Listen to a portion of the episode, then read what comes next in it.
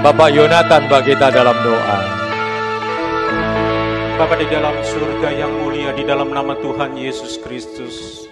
Siang hari ini Tuhan, kami datang dengan penuh sukacita menghampiri hadirat-Mu Tuhan. Hari ini Tuhan, kami boleh memperingati kelahiran Yesus. Bukan hanya lahir di dunia ini, tetapi lahir di dalam kehidupan kami, memperbaharui kehidupan kami, merubah kehidupan kami untuk seturut akan kehendak-Mu ya Bapak. Pagi hari ini Tuhan, pimpinlah kami, sertailah kami di dalam mendengarkan kebenaran firman-Mu. Urapi kami hamba-Mu Tuhan, urapi hamba-Mu dengan kuat kuasa roh kudus-Mu, agar firman-Mu boleh menjadi kekuatan di dalam kehidupan kami jemaat Tuhan, meneguhkan iman kami, menguatkan iman kami ya Tuhan. Amen dan biarlah pagi hari ini kami boleh menikmati berkat Tuhan yang luar biasa. Anugerah Tuhan yang sudah kami terima. Biarlah kami boleh tetap hidup di dalam kehendak Tuhan. Seturut akan kebenaran firman-Mu. Pimpinlah kami ya Tuhan jemaatmu yang ada. Pimpinlah hambamu Tuhan dalam menyampaikan kebenaran firmanmu. Ya, agar pada siang hari ini Tuhan kami benar-benar menikmati bahwa Tuhan ada bersama dengan kehidupan kami pada siang hari ini Tuhan. Di dalam nama Tuhan Yesus Kristus kami berdoa dan mengucap syukur. Haleluya. Amin. Amin. Puji Tuhan. Silakan duduk. Selamat siang, selamat kita boleh bertemu dalam kasih Tuhan. Bapak Ibu sudah bersuka cita pada siang hari ini? Bersuka cita pada siang hari ini? Amin. Allah yang kita sembah adalah Allah yang ajaib, yang luar biasa, yang luar biasa. Ya, puji Tuhan, kita menikmati ibadah dan perayaan Natal pada siang hari ini di dalam ibadah yang kedua. Tadi pagi jam 9, ya, kuota kita memang cukup penuh. Ada beberapa jam yang memang harus melebihi kuota, saya bilang nggak apa-apa kepada panitia, biarkan saja.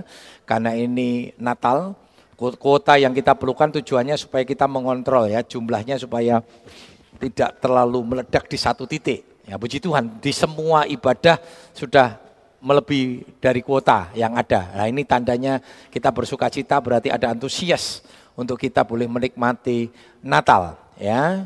Natal di kota sudah mulai diadakan Natal kota tadi pagi. Ya saya tidak hadir memang saudara ya karena saya takut terlalu lelah ya, terlalu capek. Karena kita tiga kali. Nanti tahun depan kita akan atur supaya kita semua juga bisa menikmati Natal kota ya, Natal kota. Puji Tuhan. Kita kan bersama-sama menikmati firman Tuhan. Tema firman Tuhan kita kasihmu tiada bandingannya. Mari kita sama-sama melihat lebih dahulu dalam Roma 8 ayat yang ke-32. Roma 8 ayat 32, saya undang kita bangkit berdiri kembali. Kita akan membaca ayat ini bersama-sama ya, membaca ayat ini bersama-sama. Dua, tiga. Ia yang tidak menyayangkan anaknya sendiri, tetapi yang menyerahkannya bagi kita semua, bagaimanakah mungkin ia tidak mengaruniakan segala sesuatu kepada kita bersama-sama dengan dia. Puji Tuhan, silakan duduk. Saya beberapa kali saya sampaikan kepada jemaat, jangankan persoalan-persoalan kebutuhan hidup. Jangankan masalah-masalah hidup, nyawanya saja Tuhan berikan. Hidupnya saja Tuhan berikan. Ayat ini secara kualitas sejajar dengan Yohanes 3 ayat 16 yang dikatakan karena begitu besar kasih Allah akan dunia ini sehingga ia mengaruniakan anaknya yang tunggal supaya setiap orang yang percaya kepadanya tidak binasa melainkan beroleh hidup yang kekal. Selama bulan Desember kemarin kita sudah melihat bersama-sama tentang kasih karunia. Apa itu kasih karunia? Kasih karunia adalah pemberian dari yang superior, yang termulia terhebat kepada yang inferior kita sebagai manusia yang sebenarnya tidak layak untuk menerima hadiah itu. Tetapi Tuhan berikan karena kasih. Kasih tanpa pamrih. Kasih tanpa syarat. Tuhan berikan saudara. Nah inilah kasih yang tiada bandingannya. Kasih yang begitu hebat. Kasih yang begitu luar biasa. Yang belum pernah ada kasih seperti ini dinyatakan di dalam dunia ini. Tadi kita sudah mendengarkan sedikit drama melalui worship leader ya. Kita buat sedikit berbeda oleh panitia. Ada Maria yang mensyukuri bahwa ternyata satu beban yang diberikan kepada dia dia terima dengan ucapan syukur walaupun tidak gampang. Kalau sekarang ini banyak saya yakin dan percaya wanita-wanita yang mau jadi seperti Maria. Tetapi pada waktu itu tidak saudara. Ketika kita membaca firman Tuhan dalam kitab Lukas dan ketika Maria berkata, aku ini hamba. Jadilah apa yang menjadi perkataanmu. Itu nggak gampang. Itu bentuk penundukan diri, penyerahan diri yang luar biasa kepada satu mandat yang tidak gampang. Bagaimana mungkin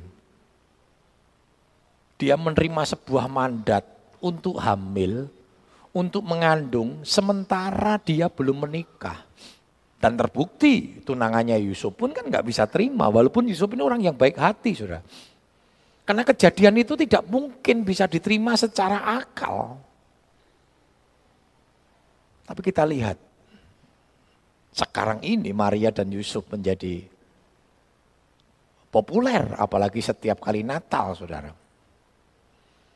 Ada pemilik penginapan, akhirnya kecewa, saudara. Kenapa? Karena nggak ngerti. Kalau yang lahir itu adalah seorang raja di atas segala raja. Sehingga dia hanya mempersiapkan sebuah kandang ini bukan kandang domba, saudara. Kandang di sebuah penginapan. Nah saudara, kalau saudara pergi saat ini ya, pergi menginap di sebuah hotel. Saya biasanya kalau mau booking hotel, saudara, saya lihat dulu, saudara. Ya, lewat Traveloka, Agoda, atau etiket, saudara ya. Saya biasanya lihat gambarnya dulu, kira-kira dia punya parkir enak enggak ya? Parkirnya luas enggak ya? Jangan punya hotel parkirnya hanya bisa untuk dua mobil. Ah, repot saudara. Nah zaman sekarang parkir mobil atau kendaraan. Tapi zaman dulu kandang ini adalah tempat parkirnya tunggangan mereka. Bisa kuda, bisa onta, bisa keledai, bisa bagal, macam-macam sudah.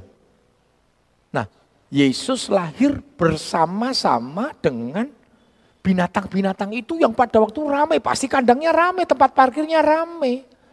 Yesus berbagi tempat dengan binatang binatang tunggangan saudara.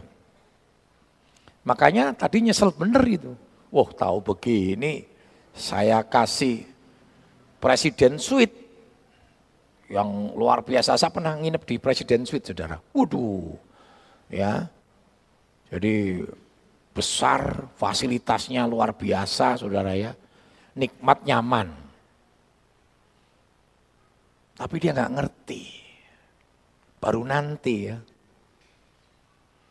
Ada gembala-gembala.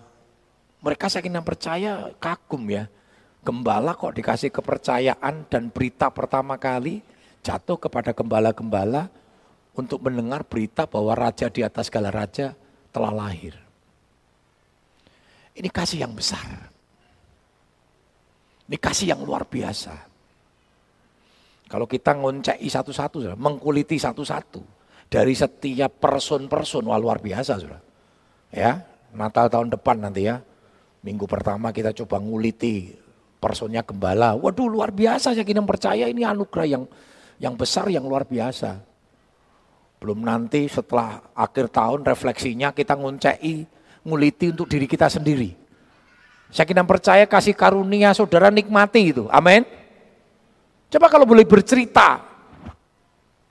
Kalau di kota Solo, kalau di sini nggak bisa saudara. Wah di sini mau setiap keluarga kesaksian bisa tiga hari tiga malam nggak selesai saudara ya. sing ngantuk-ngantuk sudah. Kalau di kota Solo jemaatnya memang waktu itu 100 tetapi kan berbagi, uh, keluarganya nggak sampai 100 saudara. Jadi setiap kali 31 itu memang ibadahnya dari sore jam 5 itu nanti selesainya sampai melewati tahun. Itu nggak selesai panjang kenapa? Karena kesaksian. Apalagi kalau udah suruh kesaksian seneng sudah ya, wah ceritanya sak wong ya kita bebaskan aja. Kita bebaskan aja. Enggak selesai dilanjut tanggal 3 tanggal 1 Saudara ya. Menceritakan tentang saya kira percaya kalau kita diberikan kesempatan Saudara. Terlampau luar biasa kasih Tuhan itu atas hidup kita. Nah Saudara, kasih Tuhan itu kenapa tiada bandingannya? Ada tiga hal yang akan kita pelajari dari kasih Tuhan yang tiada bandingannya dibanding dengan kasih-kasih yang pernah ada di dalam dunia ini dan tidak pernah ada kasih seperti kasih Tuhan. Yang pertama apa? Wujud dari kasih Tuhan itu apa saudara? Memberi. Ingat saudara, memberinya ini memberi tanpa syarat. Berapa banyak kita sering kali memberi tetapi bersyarat. Ketika orang yang kita beri lalu bersikap tidak baik sama kita, kita menjadi marah. Lali, aku tahu nulung loh. Loh saudara kalau nulung jangan bersyarat saudara. Nulung-nulung selesai. Soal dia nanti mau baik sama kita, nggak baik sama kita, ya sudah itu bukan urusan kita saudara. Urusan saudara sudah nulung karena sudah mandang, karena sudah mau menerapkan kasih Tuhan. Amin. Angel saudara ya. Amin. Dan Yesus sudah ngalami itu loh saudara. Sudah berikan itu. Coba kita baca dulu dalam Yohanes 15 ayat 13.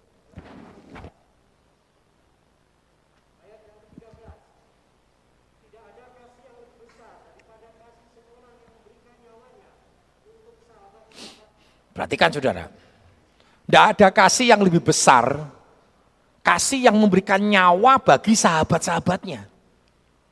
Tapi Yesus tidak saja memberikan nyawa bagi sahabat-sahabatnya. Memberikan nyawa bagi sahabat-sahabatnya saya kira percaya belum pernah ada saudara. Belum pernah ada. Yesus bukan sekedar memberikan nyawa bagi sahabat-sahabatnya. Yesus memberikan nyawa bagi orang-orang yang memusuhi dia. Bagi orang-orang yang mensolimi dia. Bagi orang-orang yang memfitnah dia. Yesus mati kan karena dizolimi. Bahkan dia harus menerima hukuman ter menjijikan, tersadis, ternajis. Hukuman salib. Jadi hukuman salib itu hukuman memang betul-betul mempermalukan seorang penjahat kelas kakap sehingga tidak bernilai lagi. Dan Yesus ada di sana. Makanya di samping kanan kirinya ada penjahat sudah. Yang satu mencari kesempatan. Dia berkata kalau engkau raja bebaskan dirimu dan kami. Kan cari kesempatan. Sudah. Tapi yang satu berkata apa? Kita dihukum memang pantas. Tapi orang ini tidak pantas untuk dihukum. Tapi Yesus tetap dihukum, saudara. Dan Yesus nggak sakit hati. Ya, Tuhan Yesus nggak sakit hati. Bahkan Yesus berkata, Bapa ampuni mereka. Ya, dia sudah memberikan nyawanya. Bukan hanya kepada sahabat-sahabatnya, tetapi kepada orang-orang yang memusuhi dia. Yang memusuhi loh sudah. Dia belajar untuk memaafkan. Dia belajar untuk memberi hidupnya kepada mereka. Yesus sudah berikan teladan kepada kita. Mungkin kita belum mampu memberikan nyawa kita kepada orang lain. Kita tidak mampu, belum mampu memberikan nyawa kita untuk Tuhan.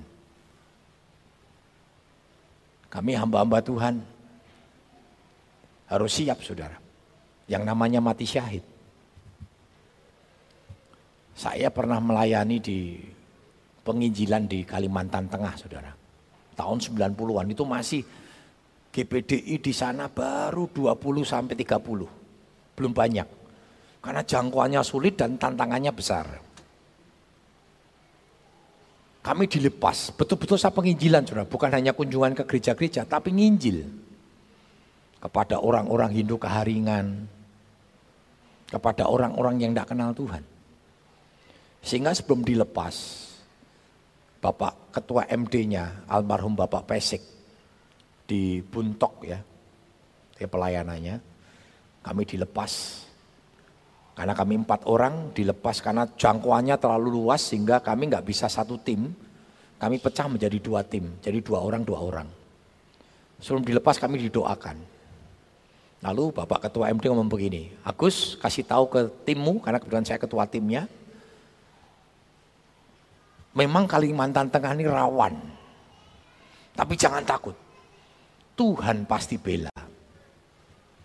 Kalau terjadi apa-apa, ingat pesan Om. Sebut haleluya. Sebut haleluya.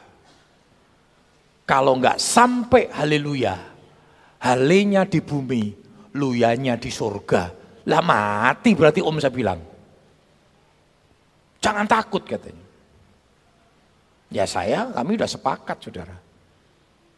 Mati syahid Tuhan yang punya urusan, bukan kita yang punya urusan. Karena kita tidak pernah punya otoritas terhadap kematian kan. Kita hanya punya otoritas terhadap hidup. Nggak ada yang pernah tahu, saya juga nggak pernah tahu apakah saya harus mati syahid atau tidak. Tetapi satu perkara saudara, kalau toh Tuhan tentukan mati syahid, kita mau sembunyi di tempat kolong tidur pun ya mati syahid saudara.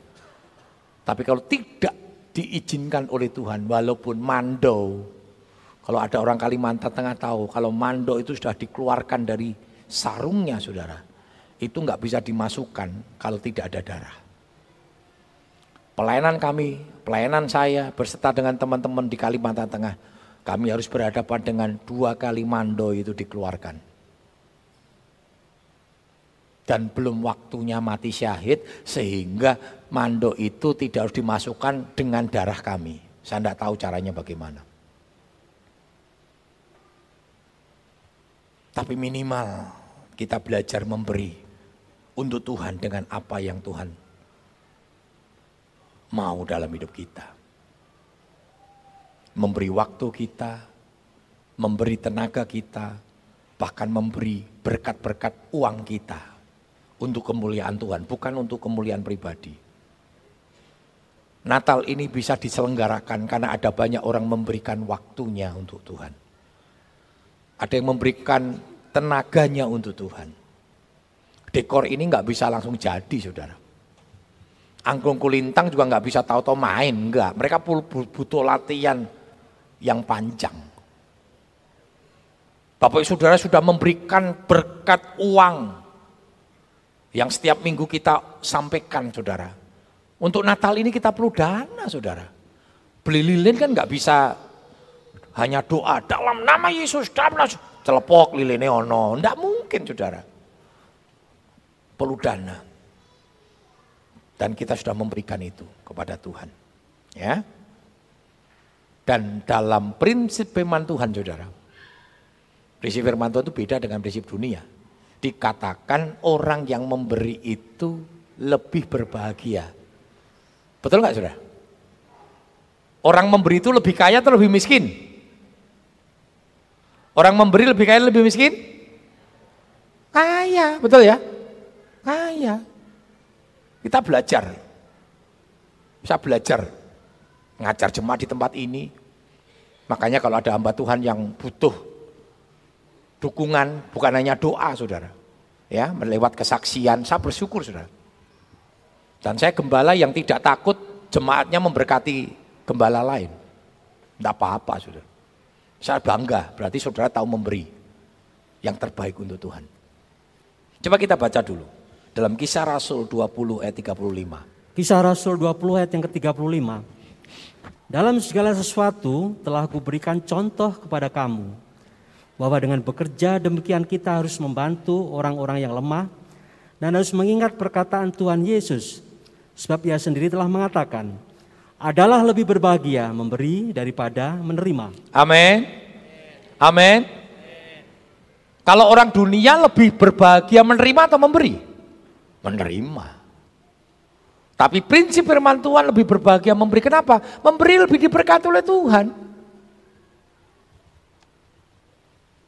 Jangan takut memberi. Dan memberi tidak harus dalam konteks kelebihan, bahkan dalam konteks kekurangan sekalipun. Tuhan berikan teladan sama kita, ada orang-orang yang memberi bukan dalam kondisi kelimpahan. Oleh om, yo raiso to om. Iso, siapa yang bilang raiso? Firman Tuhan ajarkan kok. Masih ingat janda sarfat? Memberi di tengah kekurangan. Pertanyaannya, mati enggak janda sarfat? Diberkati. Diberkati. Tapi memberi tanpa pamrih. Nah kita lihat lagi contoh. Dalam Markus 12 ayat 44. Markus 12 ayat yang ke-44. Sebab mereka semua memberi dari kelimpahannya. Tetapi janda ini memberi dari kekurangannya. Semua yang ada padanya, yaitu seluruh nafkahnya. Iya. Yesus ajak murid-muridnya berdiri di tempat di depan bait Allah. Jadi kalau zaman dulu tidak nggak ada kolektor ya. Kolektor kan dari kata kolektif. Ya, jadi persembahannya ditarik secara bersama-sama kolektif begitu. Ya, sebentar nanti selesai ini biasanya ada mari kita jalankan kolektor. Wah, ditarik sudah ya. Jangan pernah merasa ngei koyo ditodong saudara ya. Terus yang melayani kantong kolektor jangan muatannya elek ya. Ngira, ngira. Begitu tahu puluh rong puluh Iki preman atau? Saya waktu kerintis sudah di kota Solo memang minus semua saudara ya. Jemaat kami itu minus semua. Noel pernah narik kolektor saudara. Ada orang tidak ngasih kolektor sudah, meng gini tok. Eh ngapusi, ndak masuk ke mateng. Saya bilang Noel, papi golek jiwa angel. Kuro-kuro ini koran yang gereja, namanya kecil.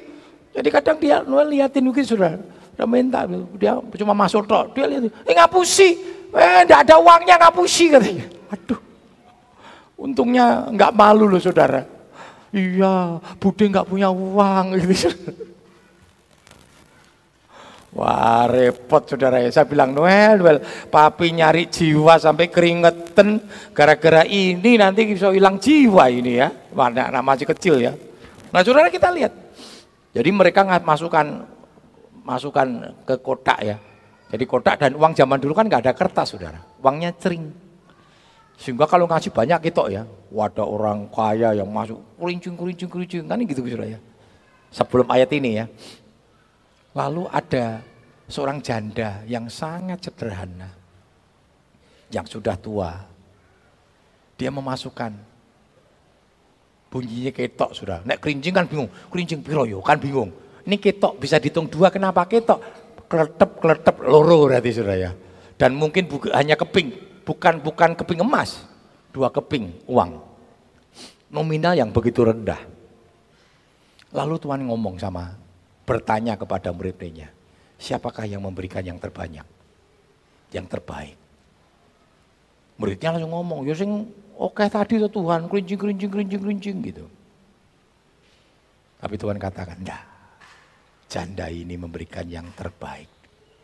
Terbanyak. Kenapa? Yang lain memberikan dari kelebihannya. Kelimpahannya. Tapi janda ini memberikan dari kekurangannya, bahkan seluruh nafkahnya. Dia nggak punya duit lagi setelah dikasih Tuhan. Mungkin kalau cerita ini sudah akan katakan nih, ah kamu itu rasa aneh-aneh lah, sok kemaki, rasa lah nyumbang gereja, gereja wis suge. Kue naik nyumbang meng dua keping yang nguyai segoro. Salah saudara, Tuhan nggak butuh duit. Tuhan nggak butuh uang, Tuhan kaya. Tapi Tuhan butuh hatimu yang tahu memberi untuk Tuhan. Dulu ada jemaat saudara, suka sering datang doa pagi sudah tepuh. Habis doa sering kali saya begini, panggil saya, om, om sini om, sini om. Saya dipanggil sudah. Lalu saya diselipin amplop sudah. Loh, saya nggak pernah nolak sudah. Bukan karena saya butuh duitnya. Tapi saat lihat bagaimana orang ini tulus memberinya. Sudah tahu ketika saya buka. 2000 rupiah. Saya terus enggak, enggak buang gitu. Tak kasih on kotak, enggak. Saya hargai 2000 itu.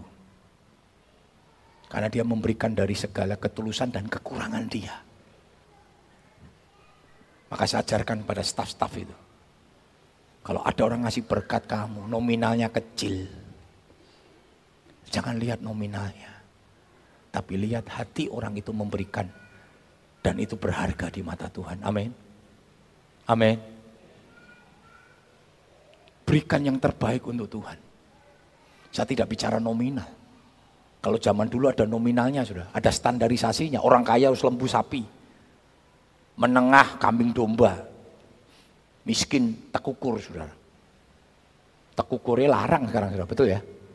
Tekukur sepasang berapa ya? Bisa 20 ribu ya, merpati itu kan 20 sampai 50 loh sudah. Tapi berikan yang terbaik untuk Tuhan, karena Tuhan sudah memberikan yang terbaik untuk kita, amin. Yang kedua, wujud kasih yang kedua, apa itu? Berkorban. Nah berkorban itu lebih dari memberi. Korban itu lebih banyak ruginya sudah, namanya korban. Ada sesuatu yang hilang dari diri kita, itu korban. Ya, coba kita lihat dalam Markus 10:45. Markus 10 ayat yang ke-45.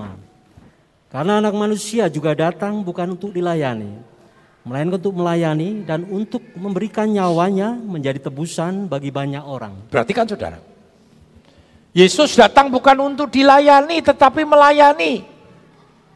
Saya yakin dan percaya kita senang dilayani daripada melayani. Tapi Yesus berikan teladan. Maka dalam hidupnya Yesus itu hanya pelayanan, tiga setengah tahun, nggak lama. Tapi tiga setengah tahun Alkitab katakan kalau diceritakan semua langit nggak cukup jadi kertas. Lautan nggak cukup jadi tinta. Karena terlampau banyak. Yesus pagi-pagi sudah bangun.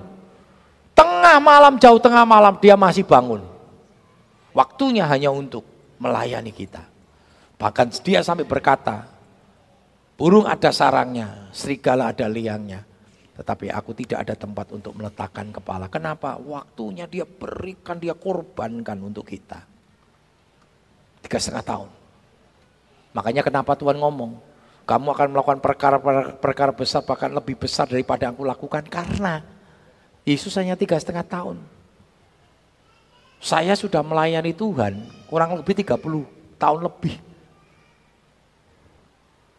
Durasi waktunya masih panjang. Tapi kalau kita melayani Tuhan tetapi saya tidak memberikan hidup untuk Tuhan. Kita kerja lebih untuk Tuhan. Karena Tuhan sudah kerja lebih untuk kita. Dia berkorban untuk kita. Saudara, kasih Yesus bukan hanya berkorban harta, tetapi perasaan dan harga diri bahkan nyawa. Coba kita lihat dulu dalam Efesus 5 ayat yang kedua ayat yang kedua. Efesus 5 ayat yang kedua. Dan hiduplah di dalam kasih sebagaimana Kristus Yesus juga telah mengasihi kamu dan telah menyerahkan dirinya untuk kita sebagai persembahan dan korban yang harum bagi Allah. Perhatikan saudara, Yesus gak hanya berkorban harta. Yesus berkorban nyawa, perasaan, harga diri. Makanya tidak mudah saudara. Ketika dia harus jalan via Dolorosa, melewati jalan salib. Secara manusia dia tahu prosesi jalan salib yang begitu menyakitkan dia ngerti.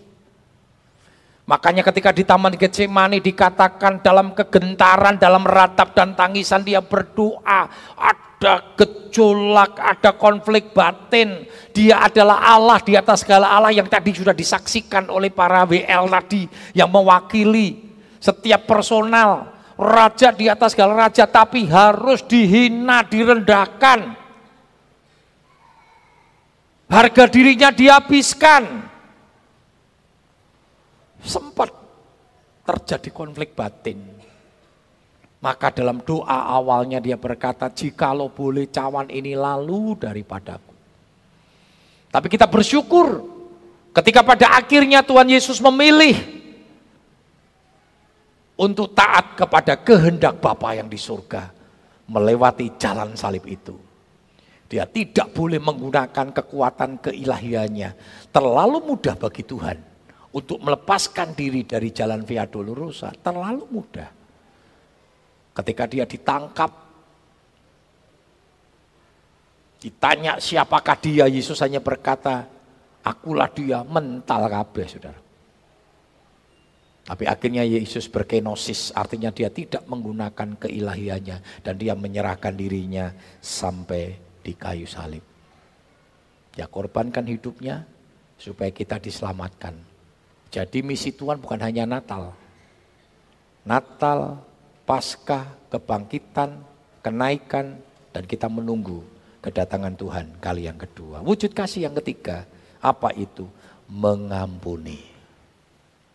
Lukas pasal 23 ayat 34. Lukas 23 yang 34. Yesus berkata, "Ya Bapa, ampunilah mereka, sebab mereka tidak tahu apa yang mereka perbuat." Dan mereka membuang undi untuk membagi pakaiannya. Saya tidak tahu bagaimana sikap Bapak Saudara ketika disakiti. Ketika disolimi. Ketika difitnah. Yesus ini posisinya sedang disakiti, disolimi, difitnah Bahkan sudah berada di bukit Golgota yang sebentar lagi dia harus mati. Terbentang di sana. Pastinya dia sakit hati. Pemain Tuhan Yesus. Pemeran Tuhan Yesus di film The Passion. Ketika dia memerankan Tuhan Yesus disalibkan saudara. Untuk proses penyalipan ini tidak cepat Kenapa? Kan dibuat enak, olah roro dan sebagainya saudara. Sehingga nggak mudah, break terus dia pengen kencing. saya yakin kayak pempes itu saudara ya. Karena kalau menurunkan dulu prosesnya panjang lagi. Make up yang dibentuk itu kan nggak bisa rusak. Nggak bisa break mangan, mangan, mangan. Terus mangan bakso. Wah ceprotan ono saus nanti begitu di shoot bisa beda loh saudara. Makanya nggak boleh. Jadi waktu break sementara ini belum selesai karena kan buat film itu, waduh saya pernah buat film, saya pernah rekaman itu nggak bisa. Satu kalimat itu bisa diulang, bisa kadang bermenit-menit bahkan berjam. Begitu dipandang begini, break break makan, dia nggak boleh nggak dilepaskan saudara walaupun dia nggak dipaku, dia tetap disalib. Makanya bagaimana ditulang sama krunya. Waktu dia ngomong sudah waktu kesaksiannya, lihat semua pemain prajurit wis iso tepas-tepas mangan laya-laya. Dia sakit hati dia. Kurang ajar ya. Enak men kok aku sing ngene kok. Liyane iso turun. Dan dia tahu dia nggak bisa minta turun kalau begitu turun rusak properti. Tapi di tengah sakit hatinya dia, saudara, dia ingat Tuhan Yesus. Ini aku pura-pura disalib. Nek Tuhan Yesus kan benar-benar disalib. Bahkan nggak ada orang perhatikan dia. Dia lah langsung dikasih minum. Mau minta spread juga spread. Esteller, oh kasih esteller saudara. Yesus bilang haus kayak apa? Asem saudara. Cuka. Gila enggak itu? Tapi enggak sakit hati loh saudara. Akhirnya dia bertobat, pemeran. Ah, siapa namanya? Saya lupa sudah ya. Siapa itu pemeran Tuhan Yesus the Passion sudah. Akhirnya dia bertobat. Dia rasanya, aduh, aku nggak layak aku. Harus dibandingkan dengan kasih Tuhan yang dahsyat itu nggak layak. Aku gini aja sakit hati. Yang pura-pura. Ini Yesus sungguh-sungguh. Dan dia bisa berkata apa? Bapak, ampuni mereka. Dia saja jealous kurang ajar sutradarane bisa ngopi, bisa ini, bisa nyantai. Sakit hati sudah. Tapi Yesus masih bisa ngomong apa sudah? Ampuni. Ampuni. Sebab mereka tidak tahu apa yang diperbuatnya. Luar biasa sudah. Mengampuni itu artinya menganggap peristiwa itu tidak pernah ada. Dibuat bersih, dibuat nol kembali. Coba kita lihat di dalam Yesaya 1 ayat 18. Yesaya 1 ayat yang ke-18. Marilah, baiklah kita berperkara firman Tuhan, Sekalipun dosamu merah seperti kirmisi, akan menjadi putih seperti salju. Sekalipun berwarna merah seperti kain kesumba, akan menjadi putih seperti bulu domba. Kain kesumba, kain kermisi itu adalah satu pewarna. Yang ketika mewarnakan itu nggak bisa nggak bisa dihilangkan, saudara. Tapi Alkitab berkata apa? Dosa semerah kermisi disucikan seputih salju kembali ke titik nol. Tidak pernah diperhitungkan. Dan sudah tahu, faktanya apa sudah? Daud. Daud tidak pernah diperhitungkan dosanya. Ketika dia bersinah dengan Betseba dosa yang begitu besar. Walaupun memori dosanya tetap tercatat sampai hari ini sudah. Itulah dosa. Tetapi akibat dosa itu Tuhan clearkan, diputihkan seputih salju. Siang hari ini kita belajar tentang kasih yang tiada bandingannya. Kasih yang memberi, kasih yang berkorban, dan kasih yang mengampuni. Firman ini menjadi sia-sia ketika kita sebagai umatnya, orang-orang yang menikmati kasih karunia, tidak belajar hidup, mewujudkan kasih Tuhan di dalam hidup kita. Mari kita belajar untuk mewujudkan kasih itu. Saya tidak panjang libarkan firman Tuhan. Mari kita siapkan hati kita untuk memasuki acara selanjutnya. Mari kita renungkan firman Tuhan ini. Karena kasih itu, kasih yang tiada bandingannya, boleh menolong kita semua. Terima kasih Tuhan. Renungkan firman Tuhan. Sudahkah kita belajar memberi? Sudahkah kita belajar berkorban? Dan sudahkah engkau belajar untuk mengampuni seperti Yesus mengampuni kita? Bapak kami bersyukur siang hari ini Tuhan meneguhkan kami melalui kebenaran firman Tuhan. Kasih yang tiada bandingannya itu sudah Tuhan nyatakan dalam hidup kami.